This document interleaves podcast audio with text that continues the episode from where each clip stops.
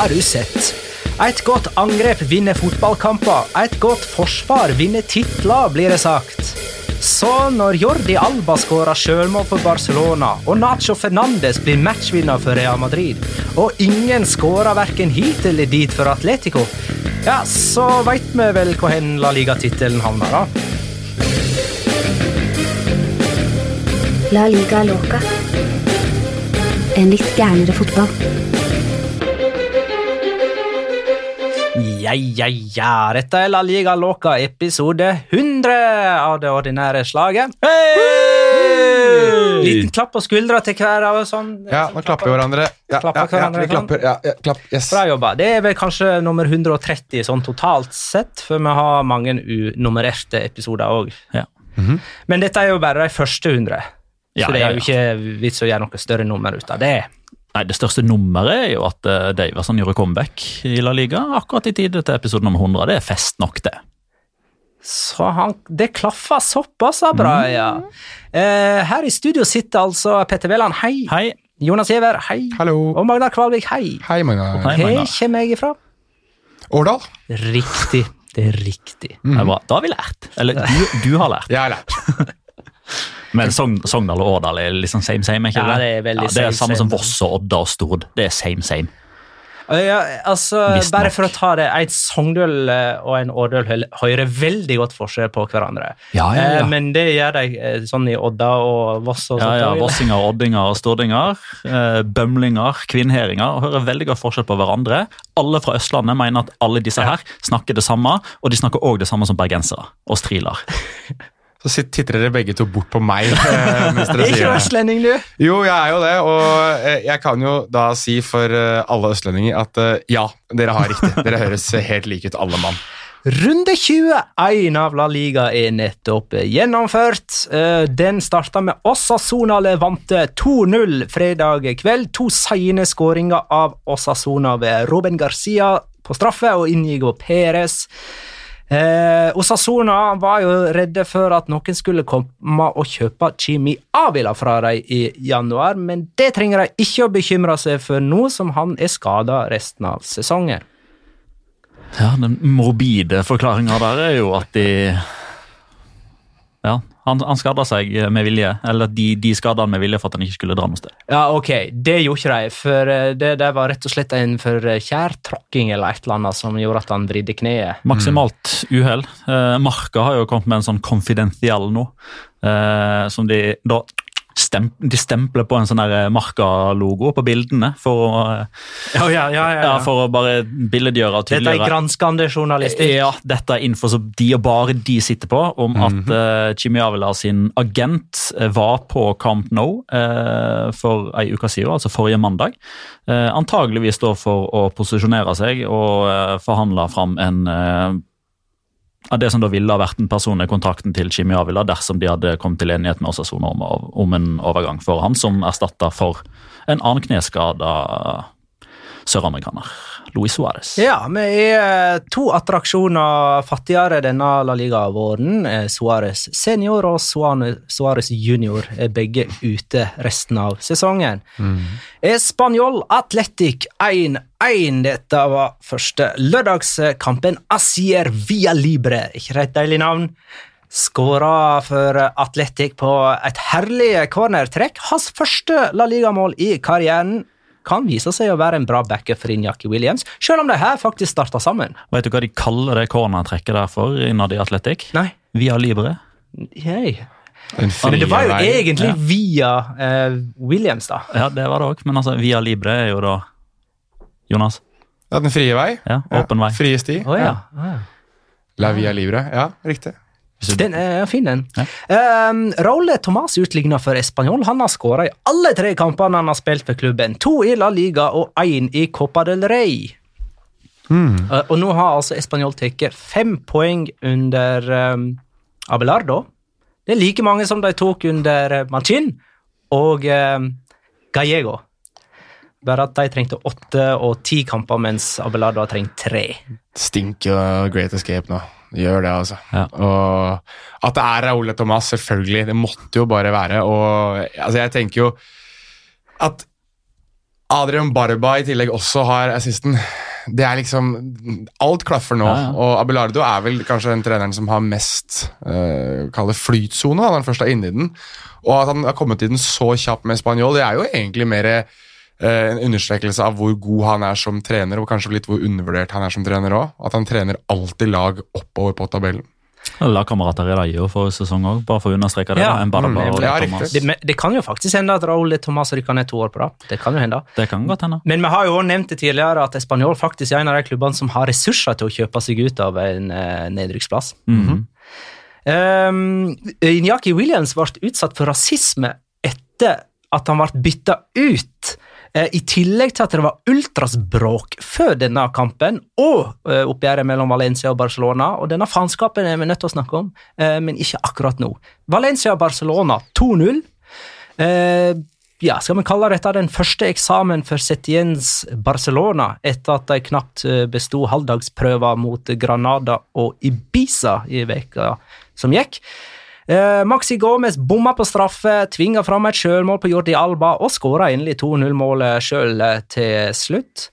Eh, noe som betyr Valencia inn i Champions League-duellen for alvor. Barcelona ned fra tabelltopp. Mer om dette senere. Alaves Villarreal 1-2.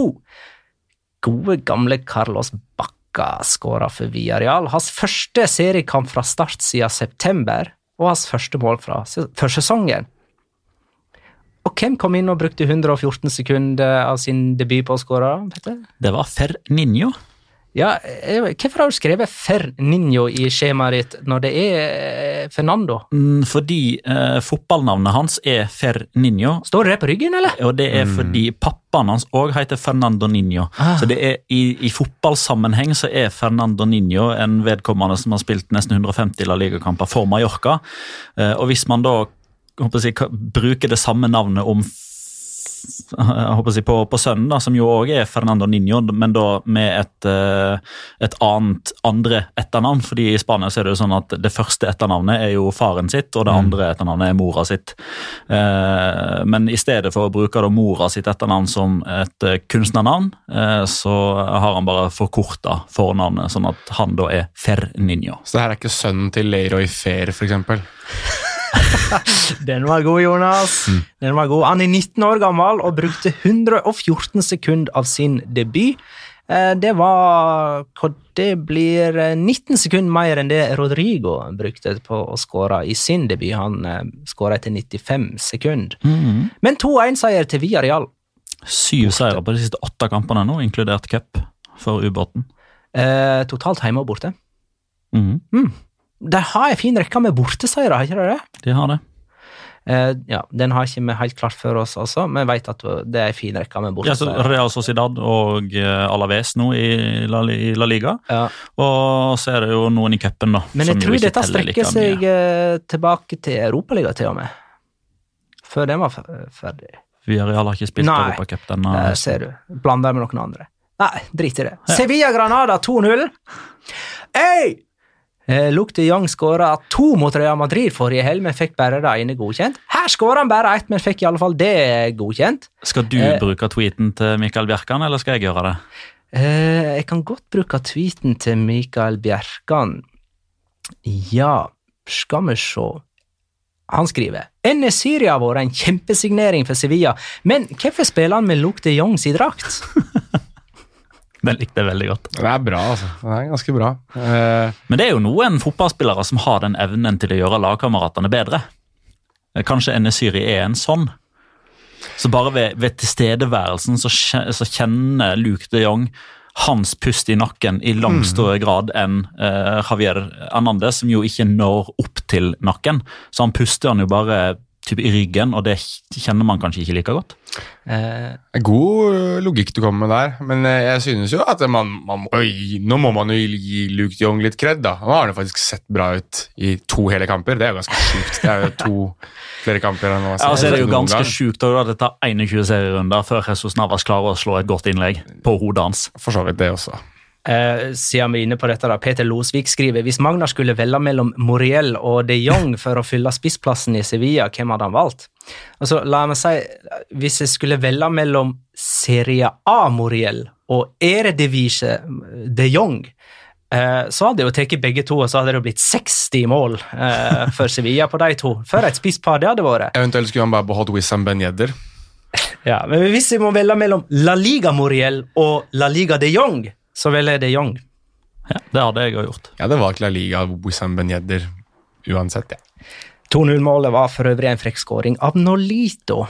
Kan, vi, kan, ikke noen bare, kan ikke noen bare være sånn, bekrefte det at Sevilla gjorde det dummeste i verden ved å selge Wissam Ben Yedder? Kan vi ikke bare være enig i det? Hadde de så mye valg? Vi kan være enig i det ut ifra et svart-hvitt perspektiv. Ja, men det, er- jeg vil ikke ha noe mer enn svart-hvitt perspektiv. Da var det fryktelig dumt. Takk. Atletico Madrid Leganes 0-0. Atletico har skåra 22 mål på 21 seriekamper, og vi må altså helt ned på 15. plass for å finne et lag med færre mål, eh, der Eibar ligger med sine 20. Her eh, stjal for øvrig den sympatiske keeperen Ivan Cuellar showet med å få to gule kort for uttaling av tid, og hala ytterligere ut fire minutter etter det. Eh, Han hadde en eh, lang beef med en stakkars ballgutt i denne kampen. Ballgutten prøvde eh, gjentatte ganger å gi Ivan Cuellar ballen etter at han hadde gått ut av spill, men han nekta altså å ta imot. Og Den siste gangen så kasta ballgutten ballen rett i hendene på Cuellar, og han kasta den like godt tilbake. Ja. Og sprang altså helt opp i trynet til ballgutten, som trøkte ballen inn i brystet hans, og da datt Cuellar i bakken og var skada. Antagelig et forsøk på å få ballgutten utvist. Ja, og drøye enda mer tid, og fjerne fokus og Men da fikk han altså sjøl det gule kortet, nummer to Ja. i kampen. Og fire minutter etterpå så var kampen i gang igjen. Og da hadde jo Cuellar vært i bakken eh, enda en gang. Ja, han datt på veien la, ut. og lata som at han ble overfalt av Stevan Savic. Men én ting eh, for Cuellar er dette konkurranseinstinktet og det å være litt sånn ufyselig med spillere og sånt på banen. Men å, å ta det oppgjøret der med en 13-14 år gammel ballgutt utafor banen, det syns jeg er faktisk ganske ufyselig. Eh, og han har ikke en eh, positiv aura, eh, Ivan Cuellar. Han har ikke et sånn gladåsyn ved seg. Han ser alltid sur ut. Vent litt. Jeg får- inn en melding her nå. Uh, paven er fortsatt katolsk, og vann er vått. Eh, Men altså, Det er jeg som skal kåre rundens spiller denne uh, runden her, og med min jingsehistorie hadde det vært noen imot om jeg kåra Ivan Cuellar til runden spiller. Hadde ikke det vært en god idé? Du har min velsignelse. jeg synes jo Meget bra. Jeg synes jo eh, at Ivan Cuellar er jo en han, Jeg får jo litt sånn affeksjon da, for spillere som er, tør å være Eller ikke tør å være, men som er litt karakterer også. Og det er jo Ivan Koyar i altså, du Mot vil jo, hvem som helst! Ja, nettopp! Du vil jo, ja, men du vil jo se Leganes litt grann også. Vi har jo sett, sett det live òg, altså, mot Atletico Madrid. Altså, Ja, han er Omvendt jo oppgjør av forrige sesong. ja, Da, da var det sånn, da, da, Da var det jo, kastet han jo vekk da var det ballen og 0-0. sånn. Han fikk en, eh, en ball kasta ned fra tribunen. altså Det var et skudd. Jeg tror det var Grismann på frispark eller Mm. sånn, som sparka ballen opp på tribunen. Ballen kom ned igjen, og Cuellar bokser den ballen tilbake inn opp på tribunen. Og fikk gult kort. Eh, men det var ikke helt eh, derfor Atletico eh, ikke skåra denne kampen her. da.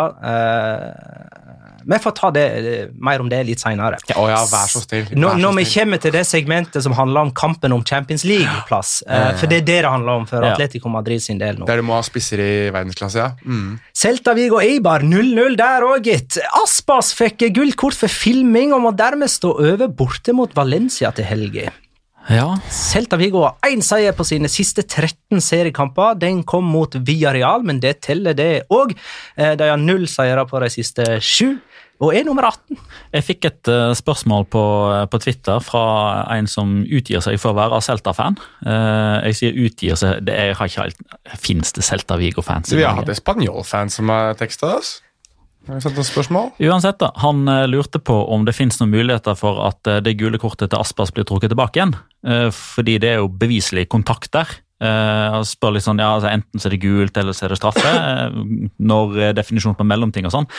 Men dere vet, når, når Altså, når folk skal hoppe fra fly eh, med fallskjerm, når de liksom kaster seg ut på den måten der, og når de er i sånn der Jeg vet ikke om det er vindtunnel det heter, men når du liksom er i en sånn sylinderforma eh, ting Nå er jeg skikkelig nysgjerrig på hvor du skal hen. Jeg skal eh, forsøke å forklare til folk hvordan Iago Aspas kasta seg. Okay.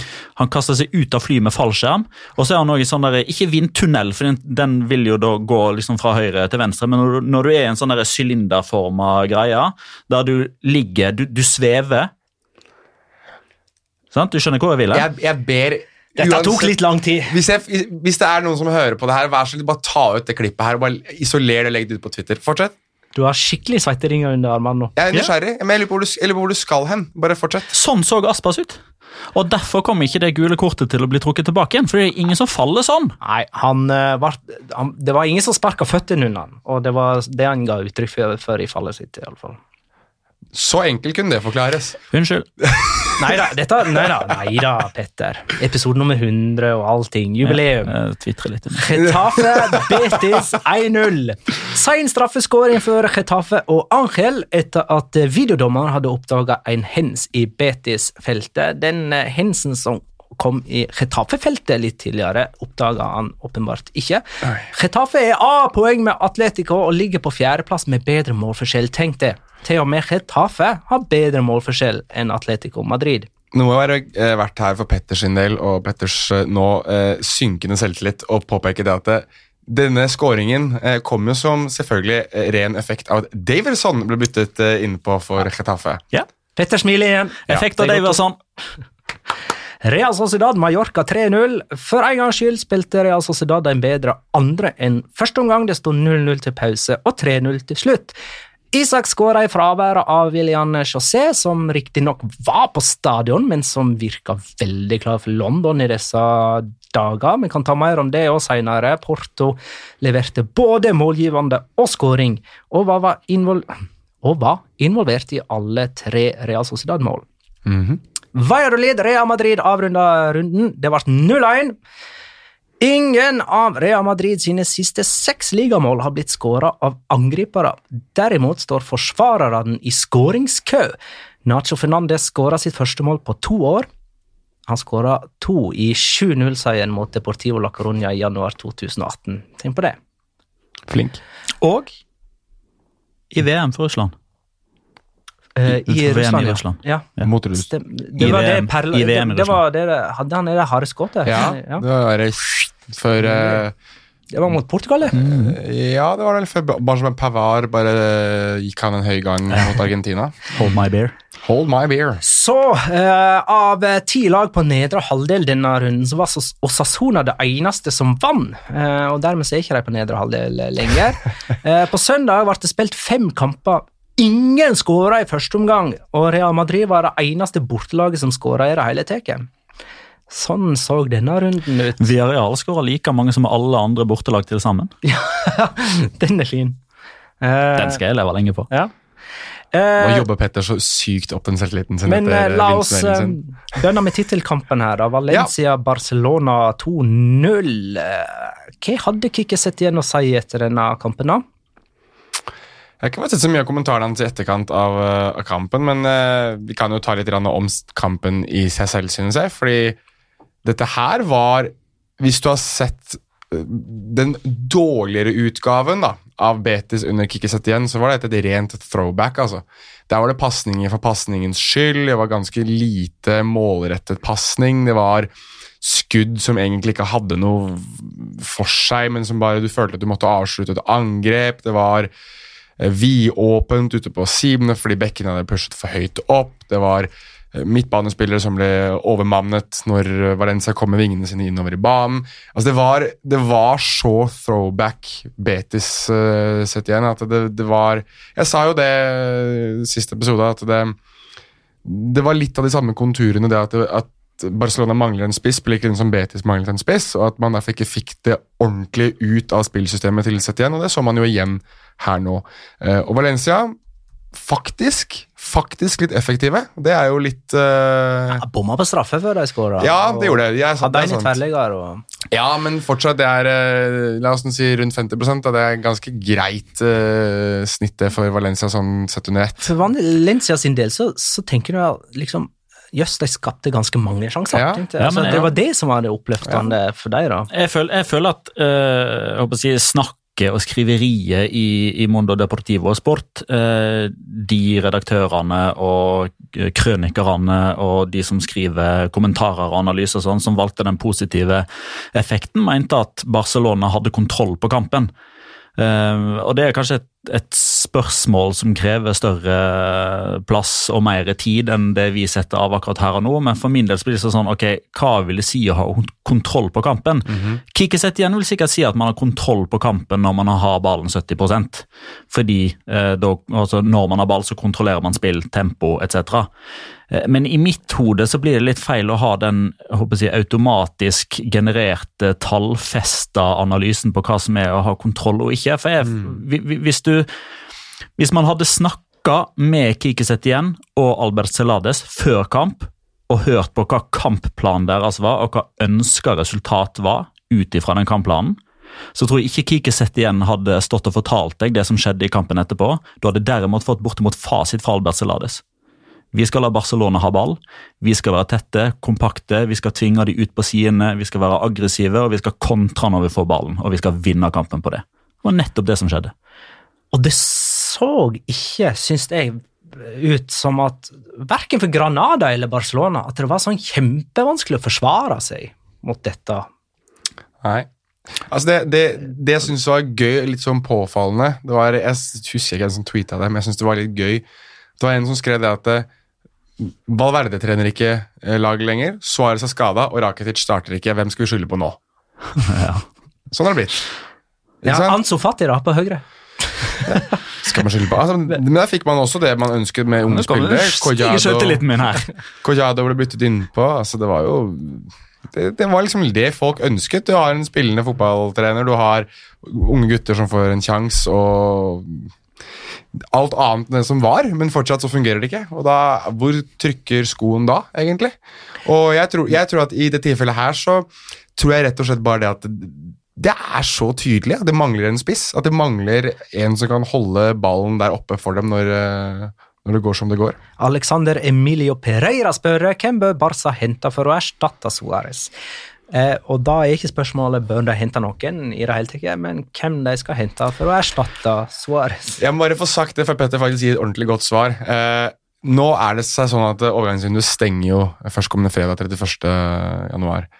Tenk om de ikke klarer å hente noen, og tenk hvem som sitter og venter da. Da kommer det til å ringe hos Niklas Bentner. Ok. Et, mm, Så jeg er på Niklas Bentner. ja. Ja. Eller skal vi gi prinsen et nytt forsøk, kanskje? Kevin Han Prince? har jo fungert en 71 før, da. Ja. Han har jo spilt en 71 i Las Palmas, så da var det er bare å sette bra. Arturo Vidal der framme, da? jo, Det har skjedd før. Eh, altså Spilt spiss for Chile, han, med litt sånn vekslende hell, men eh, Ja. det kan jo være en løsning. Nei, men For å ta det mindre alvorlige svaret, da. eh, Jimmy Avila skulle det jo være. Eh, eller det kunne ha vært det. Det var ikke nødvendigvis sånn at de hadde bestemt seg for det. Det var snakk om at det var noe eh, ikke-EU-pass som eh, kunne sette den overgangen i fare. Fordi man har jo to fra før av, og man kan maks ha tre. og Det gjorde at man da eventuelt ikke kunne benytte seg av Ronald Araujo som stopper, hvis det skulle bli krise der utover våren. Men nå blir det jo ikke han da pga. den eh, langtidsskaden. Eh, og as we speak eh, så rapporteres det jo både i Mondo Deportivo, som er Barcelona-mediet, og Super Deporte, som er Valencia-mediet, at Peter Lim, Valencia sin eier, er i Barcelona akkurat nå. For å forhandle med katalanerne om en overgang, eller en leieavtale ut sesongen, med obligatorisk kjøpsopsjon som bare er Som jo for så vidt ikke er en opsjon hvis det er obligatorisk, og det er bare kanskje den er obligatorisk, for det er hvis at det er dersom at det. Eh, men Rodrigo Moreno eh, ser vel for øyeblikket ut til å være den som er mest aktuell. Mm. Det føles ikke umiddelbart som et tap for Valencia, tenker jeg da. Det gikk jo greit nå på, på lørdag, da. Mot Barcelona. Mm. Men det skal jo sies da at eh, hjernen og arkitekten bak 2-0, det var jo Rodrigo Moreno. Så du skal ikke se bort ifra at han da Var ikke det Ferran Torres? Nei, han uh, var den som slo den målgivende pasningen. Men den som framprovoserer innkastet og tar det tidlig, er, Det er Rodrigo greit. Moreno. Mhm. Eh, Så du skal jo ikke se bort fra at hvis vi ser litt stort på det, da, den skåringa gjorde at Barcelona følte et enda større behov for å gå ut på markedet, og så vinner han en overgang til Barcelona på det. Rodrigo Moreno, altså. Men eh, så lenge Maxi Gomez holder formen oppe, og Ferran Torres, så er det vel positive utsikter for Valencia, ikke det det? Jo, men den som har høyest toppnivå av de tre, er vel Rodrigo. Og Mener du det, altså? ja, når, hvis, hvis, du, Ja, hvis, du setter er de, også. altså. hvis du setter de tre opp på en linje og sier kan vi bare injekte de med et eller annet som gir de toppnivå, så er det Rodrigo som per nå når det høyeste nivået Jeg føler tre. han er den mest komplette som byr på flest forskjellige positive ting. Altså, Maxi Gomez eh, brøyter vei og skårer mål og er en trussel. De komplementerer hverandre veldig bra, alle tre. er vel kanskje litt det man skal fram til. At, eh, men jeg er helt enig i at hvis du skal ha en komplett angriper, så er det Rodrigo som er mer komplett enn de to andre. Men samtidig så tenker jeg at Magner har et poeng i det at eh, det funker jo relativt greit uten ham òg, men hvor lenge kommer det til å gjøre det? Og hva gjør Valencia hvis de mister Rodrigo? For der er det jo snakk om at de vil vurdere Paco Alcácer, og da mener jeg da har du to angripere som ligner litt for mye på hverandre i Maxi Gomez og Paco Alcázar. I hvert fall slik vi kjenner han. Og så kan ikke vi glemme Kevin Gameiro, eh, Gameiro heller, da. Tror de klarer seg helt fint, det, så lenge de går skadefrie. Og det er jo en issue her, da. Eh, Maxi Gomez har skåra både hjemme og borte mot Barcelona denne sesongen. Eh, det var eh, første gangen siden 2007 at Valencia klarte å vinne hjemme mot Barcelona i en seriekamp. Det var første gang de holdt null mot Barcelona i det hele tatt siden 2009. 27 offisielle kamper har blitt spilt i mellomtiden. Det er ganske wacko. Uh, serieleder det er altså Real Madrid som slo eh, Valladolid eh, 1-0 på José Soria. Uh, og gjett hvem de skal møte til helga. Hvem Real Madrid skal møte? De skal Ja. møte Atletico Madrid. De skal møte Atletico Madrid. Blir det like forsiktig denne gangen som forrige gang? Ja. Uh, det har vært tre oppgjør så langt mellom de tre største i La Liga, og det har gitt én skåring. Det var Messi mot Atletico Madrid.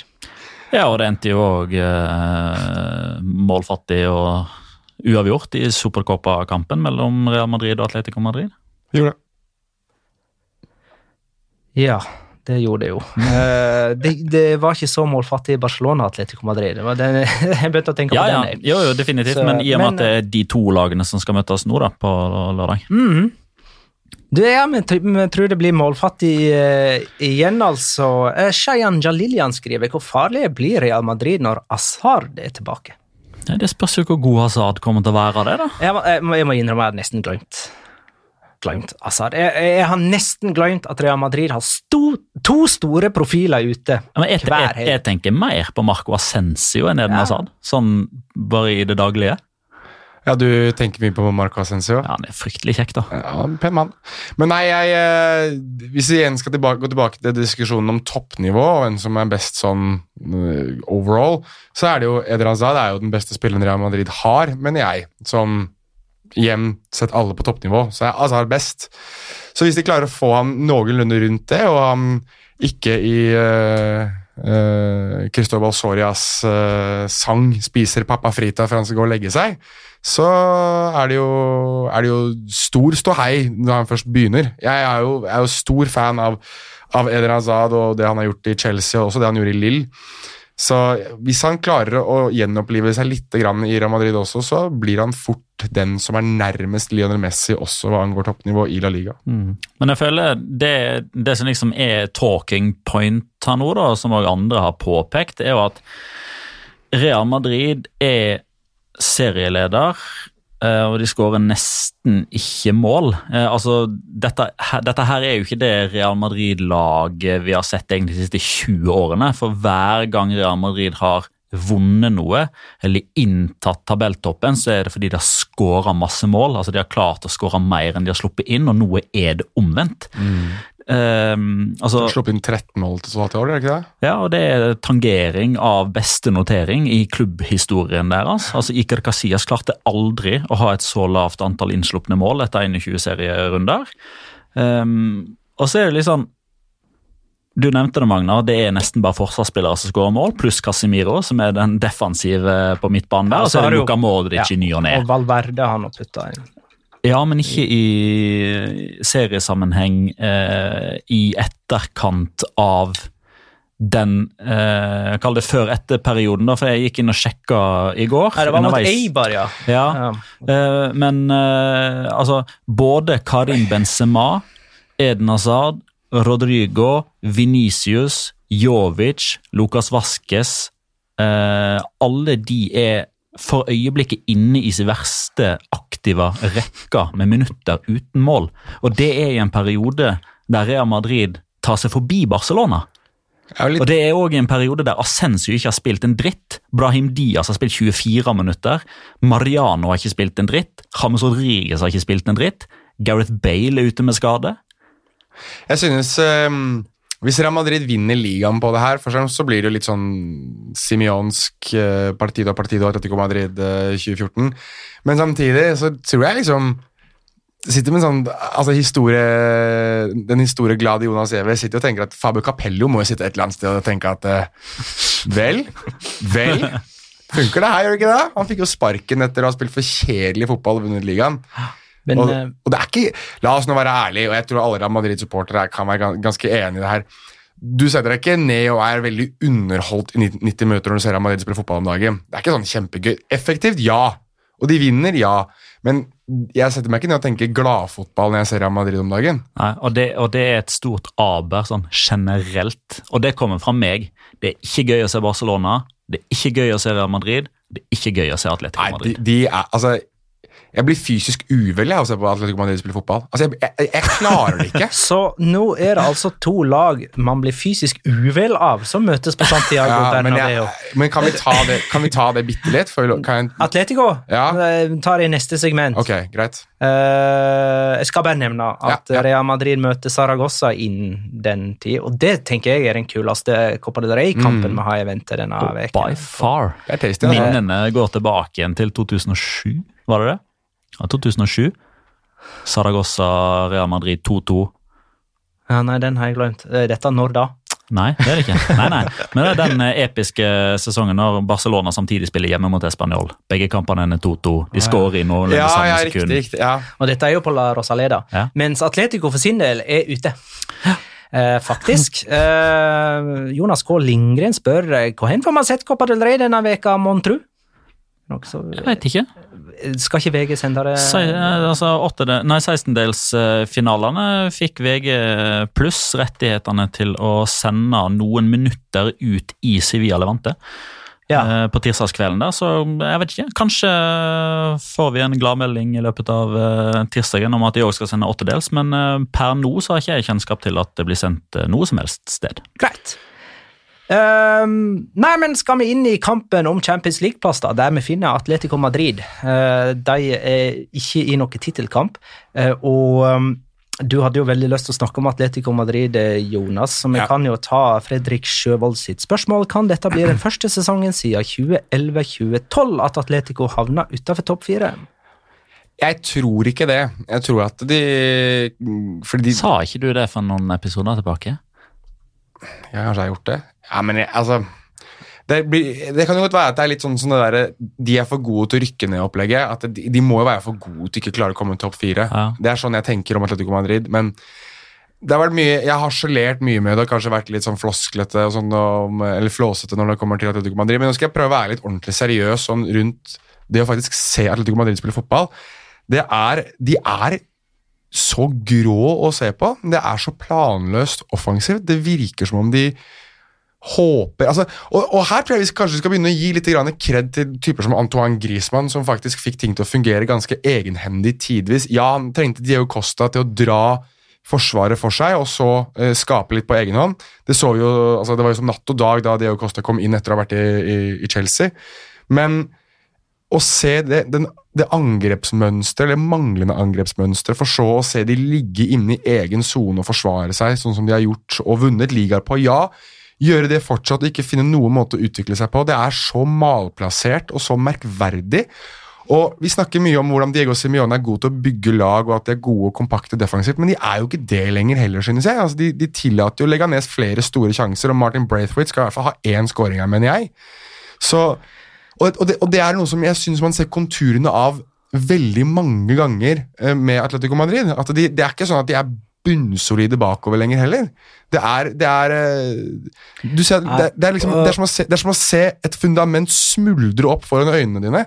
Og jeg vet at Petter har skrevet om dette på Twitter og snakket litt om det her også, men dette her må være det storlaget som har taklet et generasjonsskifte dårligst av noe lag jeg tror jeg har sett, i hvert fall på denne siden av 2000-tallet. Eh, Og Så er det jo en utbredt eh, konsensus nå om at det ikke bare er et Atletico som har stagnert under Simione, men som er på retrett, på en måte. Ja. Det er tilbakesteg. Og eh, når det gjelder dere var inne på at de er liksom for gode til å havne utafor topp fire, så er jo liksom spørsmålet hvor gode er de andre som er, er rundt? Eh, kan man f.eks. stole på lag som Getafe, eh, som er nummer fire nå? Eh, A-poeng med Atletico, de har 36 begge to. Eh, og det som jo er imponerende med dem, er at de er like ja, altså de er med i den kampen der fortsatt, som de var i fjor. Det har jo blitt veldig Jeg vet ikke om, det, om jeg skal kalle det populært eller trendy, eller hva jeg skal kalle det for, men det har jo blitt en sånn greie nå, både i Spania forrige sesong og for noen sesonger tilbake og i England forrige sesong og denne sesongen. Sånn, det virker som at ingen vil ha fjerdeplassen. Um, og, og, da er det jo sånn det, det, er garantert to sider av den saken der. Om det er kron eller mynt, det vet jeg ikke. Uh, men det er jeg litt usikker på, er det fordi lagene er dårligere, eller er det fordi lagene er bedre? Altså, Blir det jevnere fordi lag nummer tre og fire er svakere, eller blir det jevnere fordi lag nummer fem, seks, sju er bedre? Eh, jeg synes Det er helt åpenbart at Atletico Madrid gjør retrett kvalitetsmessig, som Magnar er inne på. at Uh, en årsak til at de nå er involvert i Champions League-kampen, istedenfor bare å ha sementert den plassen med en gang, er fordi de er dårligere. Mm. Retafe helt åpenbart bedre enn si, egen utgave og normal poengfangst osv. Jeg syns Sevilla ser langt sterkere ut på generelt grunnlag nå under Lopetegi enn hva de gjorde ja, gjennom hele forrige sesong. Real Sociedad bedre enn forrige sesong, og ja, kanskje på sitt beste siden de kvalifiserte seg til Champions League for, uh, forrige gang, altså 2012-2013 eller noe. Ja. Uh, og så har du Valencia, som man aldri får et svar på. fordi altså, I et nøtteskall da, å gå fra 1-4 på Mallorca til 2-0 mot Barcelona, det er, det er, Valencia for meg. altså. Det er peak Valencia. Uten suspenderte Parejo. Tradisjon tro. Ja. Uh, og Atletic Klubb, som er bedre defensivt enn hva det har vært noensinne, men som plutselig har stoppa med å, å skåre mål. Så i den Champions League-kampen her da, så er det 1, 2, 3, 4, 5 Det er seks lag innenfor sju poeng. Noen av de er bedre, noen er på status quo, andre er dårligere. Og Derfor blir det sånn suppe som jeg syns er veldig vanskelig å, å smake på. Da. Altså, Jeg kan godt smake på det, men jeg vet ikke hva den smaker. Jeg tror, eh, altså, Det er litt interessant det der spørsmålet rundt er, er det at det har blitt finansielt utjevnet Er det en positiv eller en negativ i La Liga. For jeg tror man begynner å se litt sånn smålig altså konturene av det nå, med lag som Getafe, eh, Villarreal også egentlig, og, og, Real Sociedad. At de begynner jo å bite litt mer fra seg, da, etter at de har brukt litt mer penger og vært litt mer levedyktige. Og da mener jeg jo at gjør det ligaen litt mer competitive, ja, men gjør det den generelle kvaliteten litt mindre god også? Det er, det er det spørsmålet er vrient å besvare, og der Men, jeg tror jeg er inne på dette med, med suppesmaking. Vi var vel inn, Jeg tror vi var ganske enige om at Chetaffe overpresterte i fjor, mens nå må vi nesten bare innse at de er gode. Uh, nå har de holdt på for lenge ja, til at det kan kalles en formtopp. Ikke sant? Ja. Um, ellers da Real Sociedad, som ble nevnt her, er Isak god nok som William erstatter? Han er for øvrig den mest skårende under 21 år i La Liga, Alexander Isak. Altså, de, de står jo egentlig overfor et stort valg nå, da, med Real Sociedad. Eh, og jeg føler avgjørelsen der eh, Nå må vi jo selvfølgelig ta forutsetningene her. William José blir jo linka veldig hardt til Tottenham. Ikke like mye nå som for noen dager tilbake igjen. Eh, og håper jeg, Resultatet av den sagaen der eh, vil jo være litt sånn avgjørende for om Alexander Isak blir et førstevalg, eller om han må kjempe om å bli et førstevalg, eller om han forblir andre valg. Eh, men jeg føler, hvis det nå viser seg da at William José eh, forlater klubben, da står det altså litt sånn overfor et veiskille om de skal fortsette å være den klubben de alltid har vært, og bare ok, greit, uh, stjerna vår drar. da er jobben gitt til nestemann i rekka. Altså Alexander Isak er førstevalg, Julian Lobete blir tatt opp. Mm. Det er liksom den naturlige gangen for Real Sociedad.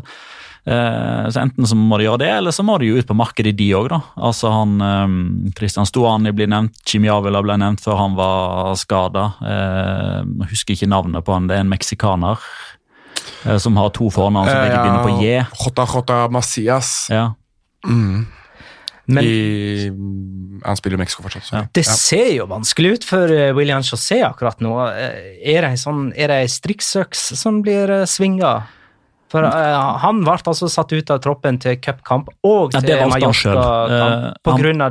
dette ja, Tottenham. Til den cupkampen så ba William José om ikke å få være med. Fordi han ikke hadde hodet på riktig plass, og han mm. ville få en avklaring med dette Tottenham-greiene. og Det respekterte Alguacil, men da sa han òg at til neste kamp så er det jeg som bestemmer om du er med i troppen eller ikke. Mm -hmm. Og han ble ikke med. Ja, ikke um, sant? Det syns jeg er et tegn. Det, det, er et tegn. Samtidig så sier jo Emanuel Alguacil på direkte spørsmål fra eh, de baskiske journalistene etter kampen om, om William José på mange måter altså Er det et åpent sår her som ikke leges, uansett hva som skjer? Og Da svarer han jo nei. Vi er alle mennesker som eh, blir trigga av forskjellige ting, og som ser muligheter og som, som ser begrensninger og, og, har forhåpninger og drømmer. Eh, så det som skjer nå, er ikke nødvendigvis bedømmende for det som skjer etter 1.2, når overgangsvinduet stengt. Så han ville på ingen måte si et eller annet som antyder at William Chassé liksom er ferdig, eller blir en benkesliter eller mista posisjonen, eller noe sånt. Men det er klart at overfor fansen så tror jeg eh, William Chassé kan ha et liksom problem med å bli akseptert. fordi mm. vi, vi, skal jo liksom ikke glemme det at William Chassé er brasilianer som, eh, som kom fra Las Palmas, som er 30% eid av et investeringsfirma, som kanskje aldri helt har vært 100 akseptert. Det er blitt trykka til brystet. Han har vært gjenstand for masse kritikk, selv om målsnittet er veldig bra. Eh, men så kan jo på mange måter historien òg gi William José litt positivitet. For det har jo lest og blitt fortalt at Darko Kovacevic gjorde jo akkurat det samme eh, for 17-18 eh, år siden, eller hva noe sånt, der han òg i utgangspunktet forsøkte å, være litt rebell og komme seg bort.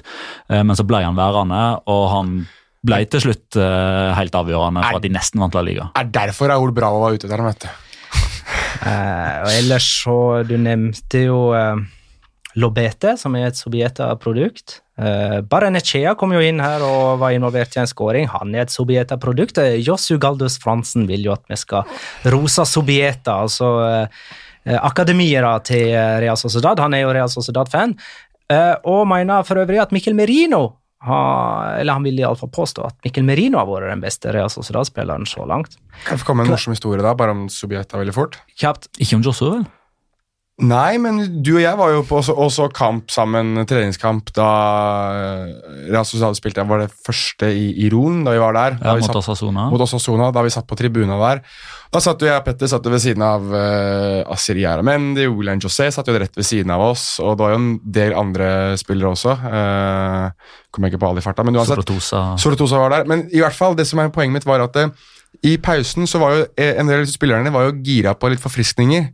Så da måtte jo en av de gå og kjøpe forfriskninger, og da sendte de Ander Barenechea fordi han var yngst. Han måtte ned og kjøpe eh, chips og brus og det til alle gutta. Ifølge Josse så driver han og sykler til og fra kamper. Og ja, det stemmer det. Han, eh, han, ble jo viden kjent, og det var vel etter at han skåra mot Real Madrid, var det det? Mm. På slutten ja, ja. av forrige sesong så var det liksom ikke noe som var mer naturlig for han enn å ta den bysykkelen hjem. Og ellers så syns jeg det ser ut som det er litt formsvikt på Mø. Ja, Uh, tre ja. kamper nå der uh, det har vært litt sånn under hans uh, standard. Ikke glem uh, Copa del Rey-kampen. nå. Der, der, der var han ok, han men de tre siste La Liga-kampene har vært under pari for hans del. Og det har òg både lokale og nasjonale medier påpekt. Mar Marka skrev eh, i sin igjen. Har du så da Marka skrevet sin live-rapport? Nei. Er han i det hele tatt på banen? Nei, har du hørt? Det var da voldsomt. Eh, la oss eh, spille litt når da. Eh, Ja. Jeg vil at du, Jonas, eh, skal ta ordet eh, i så måte. Dette blir jo et tema litt senere i podcasten, men jeg kan jo introdusere oss litt til det nå. Da har jeg jo skrevet litt, så da får dere bear with me. En av Ah, kom igjen, da! Kutt, Ja, kutt uh... Må du slutte å mase, da?! Greit, har vært Brukte borte en uke. pga. deg, og så nå pga. meg. Ja. Ja. Kjør! En av de mer eksentriske spillerne i spansk fotballs historie er en mann hvis hudfarge aldri egentlig har vært et tema. Hans nasjonalitet har heller ikke betydd stort mye, selv om den kanskje har vært en stereotypisk forklaring på hans væremåte. Selv om Dani Alves gjerne er en polariserende figur, sto han alltid for den han var, uten å vise tegn til verken anger eller skam. Og mot Villarreal borte på det som en gang het El Madrigal, skulle dette bli enda mer tydelig. For da Alves skulle ut for ta et innkast, så vartet en av publikummerne opp med en av fotballens og samfunnets mest grusomme væremåter. En banan kastet i retning Alves. Symbolikken sier seg selv, forsøket på ydmykelse og nedverdigelse er i seg selv så forkastelig at undertegnede rett og slett sitter med en litt dårlig smak i munnen mens han leser dette opp. Den som tilsynelatende hadde bedre smak i munnen, var Alves. For med verdens største selvfølgelighet plukket han opp bananen, skrellet den og puttet den i munnen. Rasismen hadde falt på sin egen urimelighet. En handling svøpt i ren ondskap var latterliggjort av den menneskelige natur, vår egen sult. Og ingen var mer sulten enn Alves, som kan peke nese til en hel fotballverden der han sitter på toppen som den spilleren som har vunnet flest trofeer i løpet av sin karriere. Barcelona vant kampen 3-2. Ettermælet av Alves' handling var at flere profiler samt privatpersoner la ut bilder av seg selv der de spiste banan. For å, stoppe, for å støtte opp under Alves' enkle, men fryktløse natur, og for å ta et standpunkt med et av vår tids mest grusomme ideologier. For rasismen skal ikke få lov til å, ikke få lov til å tulle med noe av det flotte som finnes. Akkurat her finnes det rett og slett ikke noe spørsmål. Men skal det være et spørsmål, så får det i så fall være når da? Mm. Ja, uh, husker det der veldig godt. En herlig avvæpning av eh, Dani Alves, eh, som eh, brukte banan eh, til det bananer faktisk er, eh, nemlig ei smakfull, næringsrik frukt.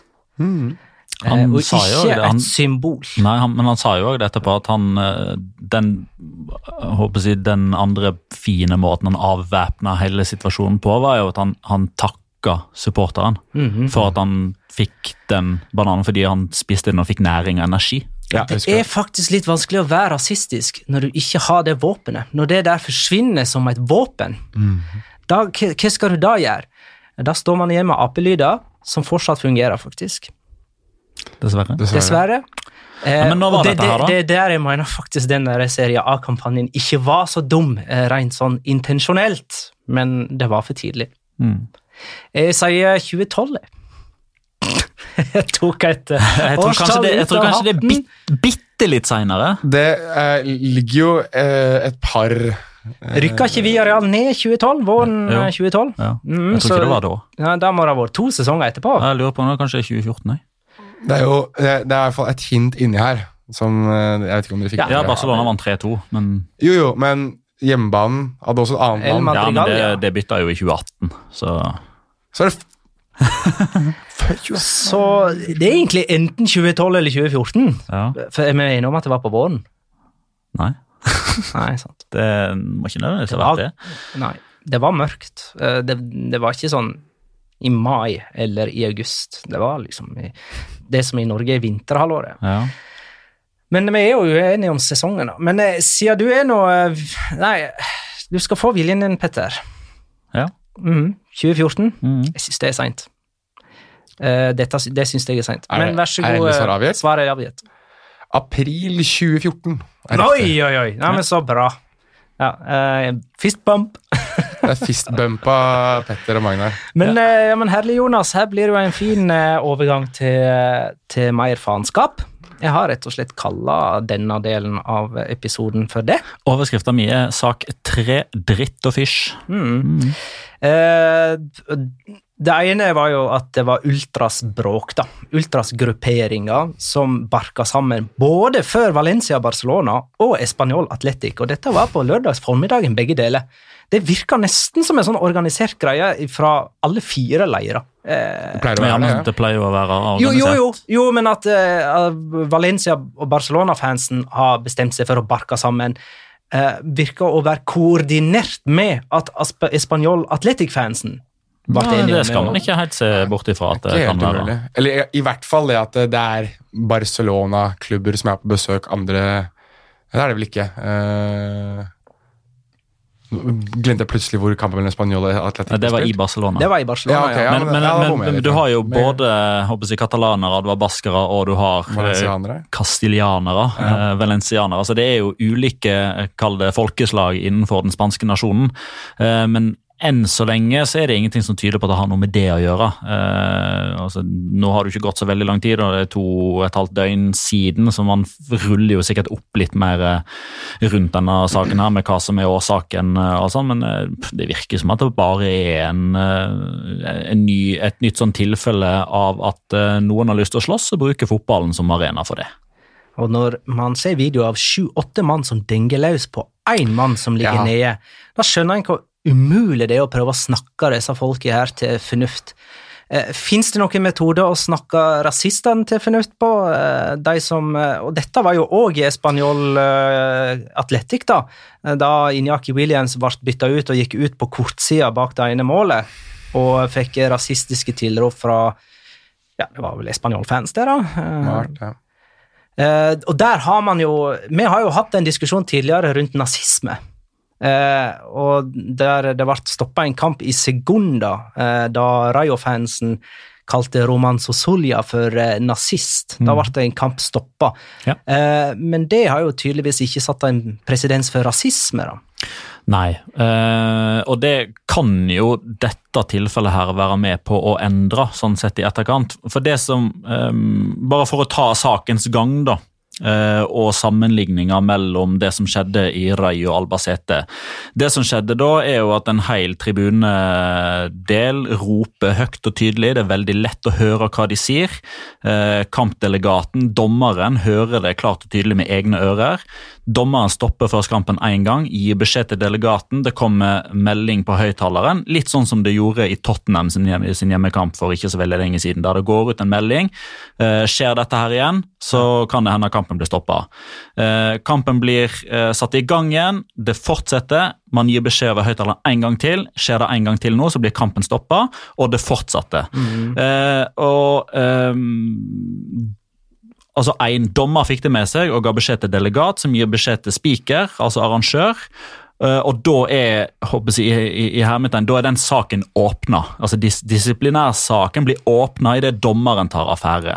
Det som skjer i pausen av Rayo Albacete, er at Albacete-spillerne gir beskjed om at dette her er vi ikke med på. Vi vil ikke spille andreomgangen. Og dommeren blir enig sammen med delegaten og de to lagskapteinene om at vi stopper. Enighet om det, og det ble konsekvensen.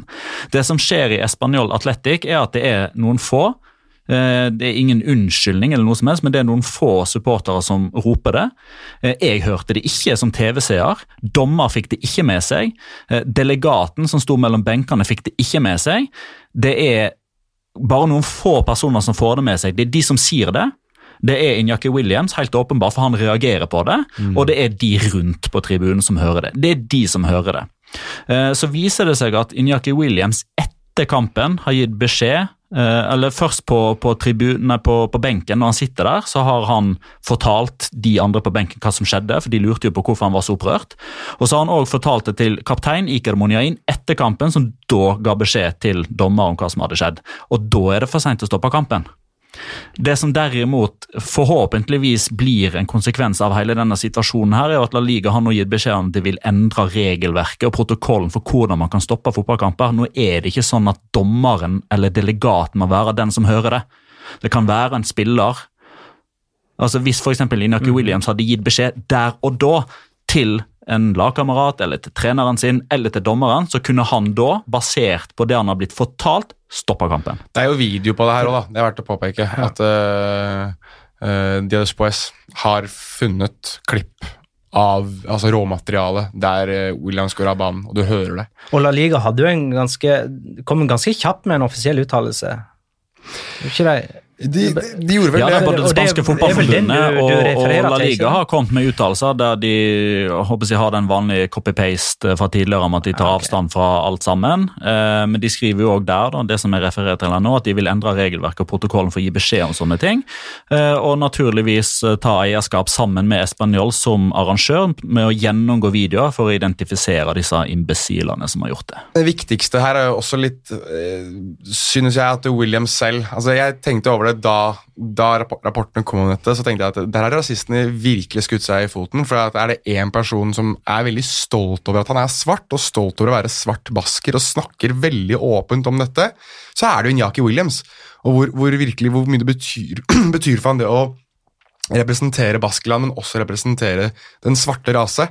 Um, og at det, at det er virkelig noe stort for han. Så de valgte jo helt feil person å gå etter da, og starte en, en slags krig mot ham. For han kommer til å gå hele veien ut for å få dette eh, dyttet ut av spansk fotball. Men jeg synes, bare for å ha skutt det inn også, at det er trist at dette kommer som følge av ehm, jeg lurer på om ikke det er det ikke Movistar som har kommet med en dokumentar eller kommet med en dokumentar om rasisme i spansk fotball. Jo, der er vel Roberto Carlos med? Eller? Carlos Cameni i hvert fall er med. Ja, ja, han, Ja, Roberto han, Carlos òg er med. Ja, ikke Ja, sant? Ja. vet, vet, og, og han Så de, de går jo tilbake i tid da, Ja. eh, og sier jo at uh, dette er noe som har pågått lenge. Mm. Som kanskje ikke har kommet til overflata. da. Nei, men det, men det er jo interessant, for der sier jo Carlos Cameni at uh, å bli behandlet på den måten har jo gjort at hvis man hadde vært litt mindre som menneske, sa han eller vært litt mindre mentalt sterk, så hadde man kunnet ville drepe seg selv. Og det, det er jo sånn Og at det som da er resultatet av det, eller det som kommer veldig kort etter at han innrømmer det på, eller snakker om det veldig åpent på TV, er at uh, noen supportere velger å Ja, jeg sier ikke at de prøver å få Williams til å gjøre det, men at de i hvert fall oppildner rundt den tematikken en gang til. Men uh, jeg, er veldig, jeg må bare få sagt også det, at jeg er veldig glad for at spansk fotball, og ikke alltid bare eh, selve ligaen eller forbundet, men at det, også media er veldig på det at de, de, peker ut folk som holder på sånn. Altså de, de fremhever at det, Se på det idiotiet her. Altså vi, vi må sette dette til livs kjappest Ja, mulig. sosiale medier er viktige, faktisk. Akkurat her er sosiale medier veldig viktig. Nei, men eh, nå må vi nesten kåre en rundens-spiller for å komme opp igjen på føttene. Det er jeg som skal gjøre det, eh, og ja, jeg skal ha musikk. eh, Og det er Jonas som nesten må trykke på knappen. Det skal gjøre det. Ja. Det er jo bare de største og mest storsinna spillerne som gjør seg fortjent til en hyllest i lyrisk diktform av meg, sånn som Aritz Adoris og Joaquin, for eksempel. Og her kommer den tredje dikthyllesten min. Roser er røde, fiola er blå, begge er kjærlighetssymbol, Ivan Cuellar likeså. Du har engler med glorie, du har engler med vingeprakt. Du har engler i hvite kjoler, og du har engler i grønn keeperdrakt. Hvis en ballgud kaster en ball til han Ivan, kaster Ivan ballen tilbake, sjølsagt. Han stjeler ikke godteri fra unger, han tar ikke ballen fra en ballvakt. Fredsmeklere blir støyete, fredsprisvinnere en parentes, når verden er velsigna med keeperen til Leganes. Det er ballgutten sin ball, må vite. Den må han få ha. Ivan kan finne en annen ball, en annen sted ifra. Hei, ballgutt, du må ikke ta på han Ivan. Tenk på den jævlige svia. Ville du ha såra mor Teresa? Ville du ha såra jomfru Maria? Ballgutt, vær forsiktig med han Ivan. Han vil jo bare godt. Hadde du vært like samvittighetsfull, hadde du forstått. Det handler om folkeskikk, det handler om å være litt storsinna. Det handler ikke om å drøye tid, det handler ikke om å vinne. Nei, men Matheo, la oss, hva er det du gjør? Viser du ut Ivan? Slapp av da, dommer, slutt med dette tullet, kutt ut, gi faen. Akk, slik er det å være Ivan. Slik er det å være stor og genial. Til og med Galileo Galilei ble ansett som gal. Men storheten vil bli anerkjent, det, det vil komme den tid. Da sitter Ivan ved himmelporten, og Guds barn slipper alltid forbi. Gratulerer og lykke til, Ivan Cuellar. Engelen Ivan, fantastisk.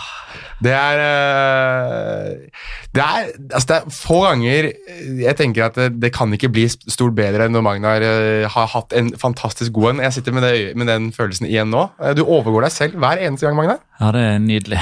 Og så er det nydelig at eh, Vi har jo kjent Ivan Cuellar ganske lenge. Eh, Jeg utnevnte jo han på La Liga Shithouse, uh, Shithousery 11 Shithousery. allerede i 2014. Det gjorde du. Uh, og vi var jo i, uh, i Leganes i Sør-Madrid for det blir vel noe snart halvannet år siden, der vi hadde med oss en, en god gjeng, blant annet en av naboene mine i Spydeberg. eh, og jeg fortalte jo han hva som skjedde på slutten av Atletico Madrid-Leganes, for bare noen minutter etter det så kom han og plukka meg opp, vi skulle ut på en liten joggetur sammen. Og så fortalte jeg om dette her, da, Altså, så stoppa han meg da, så bare Ivan Cuellar, var ikke det han tullingen som sto på den kampen vi var på? Ja. Så endelig har liksom folk flest nå, altså Magnus Barstad tvitrer om han. Eh, altså Folk flest har nå fått et ordentlig forhold til Ivan eh, Cuellar. Endelig har fått, folk fått øynene opp for Ivan Cuellar. Eh, Det er tid for Locora! Ukens La Liga Locura. Locura. Locura. Locura. La Liga Locura. Jeg likte veldig godt måten du introduserte Locora på forrige uke, Petter. Lære av det beste. Jeg kan begynne, siden jeg er en ganske kort og grei en. Ok? Eh, Det er eh, den eh, kinesiske La Liga-stoltheten Wulei eh, som nå har den litt tvilsomme æra av å være den spilleren som har spilt, flest kamper uten å vinne i La Liga denne sesongen. 17 kamper har han spilt, det har gitt fem uavgjort og tolv tap. Eh, og de fire han ikke har vært med på, har endt med tre seire og én uavgjort. Det er en litt lei statistikk. Eh, Jeg tok- han. Mhm. Jeg tok han. Hvem du tok? En lei statistikk. Ja, å ja, det var ikke no pun intended, som de sier. Det var den enda Eh, bedre. Eh, men det skal sies da, at han kom inn og skåra utligningsmålet mot Barcelona i derbyet. Ja. Petter? Ehm, jeg skal snakke om eh, året 2020 i livet til Zuher Fedal. Eh, for det har starta på eh, en langt fra optimal må måte, i og med at vi snart har unnagjort den første måneden. 5. januar, eh, da spilte Real Betis borte mot eh, Alaves. Eh, Vi har nettopp snakka om en mann som ble utvist av Mateo Lahos, nemlig Ivan Cuellar. En annen som har blitt utvist av Mateo Lahos i år, er nettopp Suir Fedal, som fikk rødt kort for å hindre en stor målsjanse etter ca. 75 minutters spill. Og han som spill. tok eh, Matteo i hånd, det var ikke Og sa at ok, greit, dette har du helt rett i, jeg går og setter meg. Um, 11. januar så spilte Real Betis borte mot eh, Portugalete, vant 3-0. Uh, smultring bakover. Uh, god kontroll, avansement i Copa del Rey. Suir Fedal satt på benken i 90 minutt. Uh, og så var det jo uh, 19. januar. Real Betis Real Sociedad 3-0. Kanskje sesongbeste for Real Betis. Smultring ingen baklengs. Da var jo Fedal suspendert og satt på tribunen. 23. januar uh, så spilte Real Betis borte mot Rayo Vallecano. Den kampen endte 2-2 etter ekstraomganger. Real Betis leder jo på et tidspunkt i ekstraomgangene her, 2-1. Det var to eller tre minutter igjen av siste ekstraomgang. Og Suir Fedal eh, skal eh, klarere ballen eh, ut til kast, og han drar til alt han kan eh, for å sparke denne ballen i reklameskiltet og så ut igjen på banen. For å drøye med tida, for å hindre at Rayo Vallecano setter i gang. Problemet er at Fedal sparker ballen i reklameskiltet og så i seg sjøl. Ballen stopper, kastet blir tatt, og Rayo Vallecano utligner et par sekunder etterpå. Og så er det jo da eh, 26. januar. Real Betis spiller borte mot Getafe. Fedal sitter på benken i 90 minutter, men står allikevel oppført med rødt kort i kamprapporten for eh, det som eh, betegnes for å være protester mot eh, dommeren i forbindelse med denne straffesituasjonen rett før fulltid. full tid. Og det viser seg òg at han har delja til Daverson i garderoben etter kampen, og eh, får nok noen kampers karantene for det. Det, Yes. det Peter egentlig skal fram til, er at han snakker om at dette var en locora om Sofedal, men han skulle egentlig ende på Daverson. Alle lokorene mine ut sesongen kommer til å ha et snev av Ja, Daverson det gleder jeg meg veldig til. Ehm, Dere vet jo at folk har gjerne sånn uh, birdwatching, og at man liksom ser etter sjeldne fugler og ulike dyr og sånn. Ok. Uh, jeg har lagt merke til at nå skal jeg begynne med en ny aktivitet, jeg også. For jeg så noe jeg aldri trodde jeg hadde skulle se i La Liga noensinne. Da jeg så uh, Leganes som Atletico Madrid. Fordi vi hadde jo mm, åpenbart engelen Ivan, som uh, vi ser uke inn og uke ut. Men eh, var det noen andre som la merke til at vi fikk et lite eh, glimt av Ivan Saponic, som eh, har bare blitt signert av Atletico Madrid eh, uten at vi egentlig har tenkt noe særlig over det. Eh, han eh, er der. Han ble med på Joao Felix-lasset. Ja, han, men han er der, eh, og nå fikk vi se at han er der. Så det er liksom litt sånn Myten er blitt bevist, og det er litt gøy, men samtidig så er det litt sånn Hæ? Hæ? Det er liksom Bigfoot er funnet. Han kom inn, og jeg lurer på om ikke han slo i Van Cuellar eh, bakfra på det, da han var på vei ut. At det var da Cuellar datt. Jeg tror alle slo litt borti Eh, hverandre. ja, Ja, var, var ikke det Savic og Oblak som var Ja, kanskje men Saponic var inni der Jeg tror han sneik seg inn bakfra Ja, ja.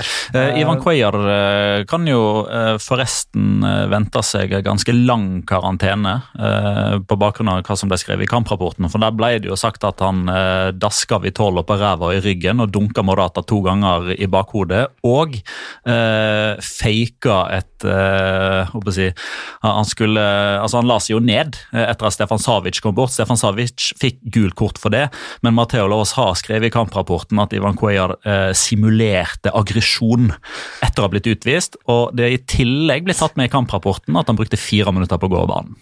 Ja, det, det var bra. Flink.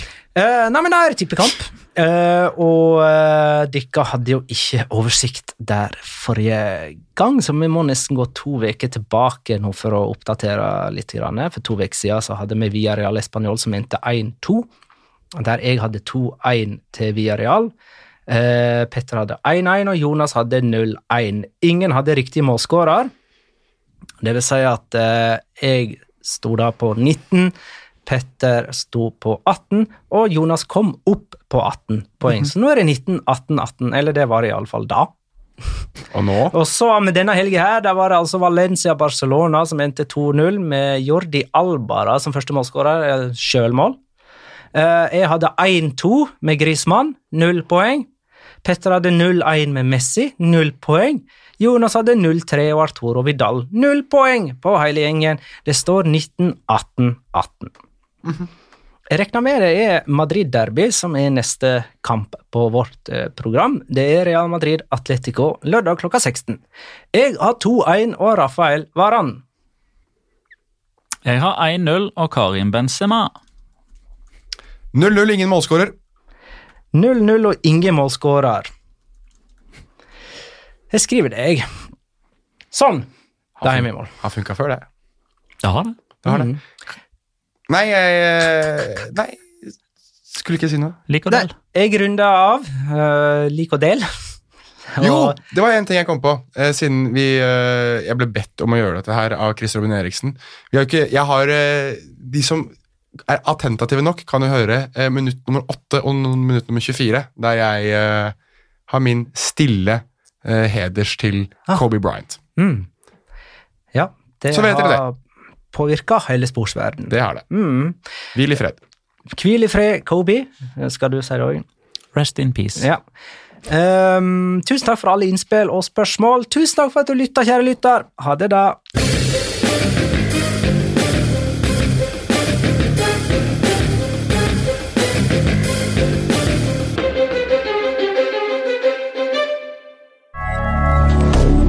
Moderne media.